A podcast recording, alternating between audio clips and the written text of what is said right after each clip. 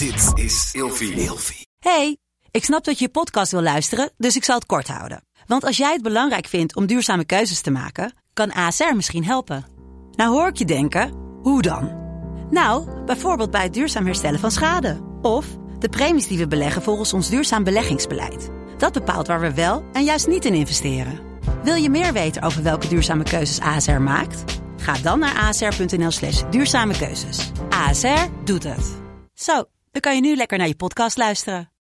Of je nu samen slaapt of alleen, een goede nachtrust is essentieel voor een goede relatie met jezelf en de ander. Emma Sleep komt nu dan ook met een hele fijne korting, waardoor je koninklijk kan slapen.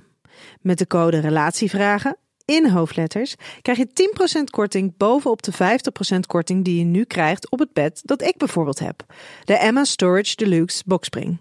Handig voor als je goed wil slapen en extra opbergruimte wil. Dus ga snel naar emmasleep.nl en bestel jouw bed. Hi, welkom bij deze podcast. Leuk dat je luistert. Mijn naam is Kokkie Drost en ik ben relatie-expert. Vandaag beantwoord ik de volgende vraag. Wat moet ik doen met mijn verlangens naar een andere vrouw of man? Nou, dankjewel voor deze eerlijke vraag. Sowieso vind ik het heel goed dat je dat gewoon bij jezelf waarneemt. Want heel veel mensen, en zeker christelijke mensen, hebben de neiging om dat soort verlangens nog wel eens heel dicht te weg, diep weg te stoppen. Zo van dat verlangen mag er niet zijn, dus ik voel het niet. Nou, christenen zijn ook gewoon maar net mensen, die voelen ook van alles. Dus deze vraag, ja, ik vind hem gewoon hartstikke eerlijk. Dat allereerst, ik wou dat meer mensen zo eerlijk naar hun ziel keken. Ik denk dat het ook belangrijk is, hè, voordat je helemaal nagaat van wat betekent het voor je relatie, dat je allereerst ook even naar jezelf kijkt van waar komt het verlangen vandaan? Is het omdat je voor je gevoel iets mist bij je huidige partner? Of um, eerlijker nog, heb je het idee dat je iets mist in jezelf? En waarvan je denkt, wow, die ander geeft mij bevestiging die ik vreselijk hard nodig heb.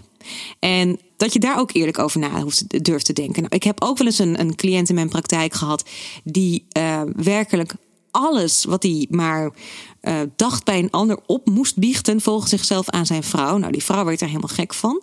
Zelfs als hij een andere vrouw had zien fietsen en hij dacht: Oh, wat een, uh, wat een mooie vrouw, dan moest hij dat van zichzelf opbiechten. Nou, dat was haast dwangmatig.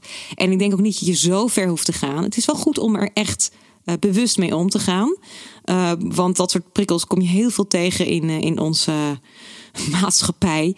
En heel veel mensen zijn zich daar amper bewust van. Dus het is denk ik wel goed om daar af en toe bij stil te staan.